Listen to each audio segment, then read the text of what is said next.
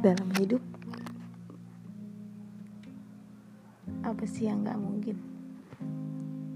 Bahagia susah sedih. Semua bisa aja. Tapi gimana cara kita ngatasinya? Terkadang kita anggap sebagai masalah tapi tidak lupa kita harus jadikan berkat.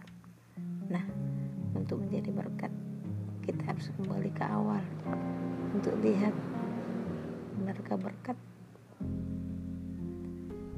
Semoga semua yang kembali ke awal menjadi yang baru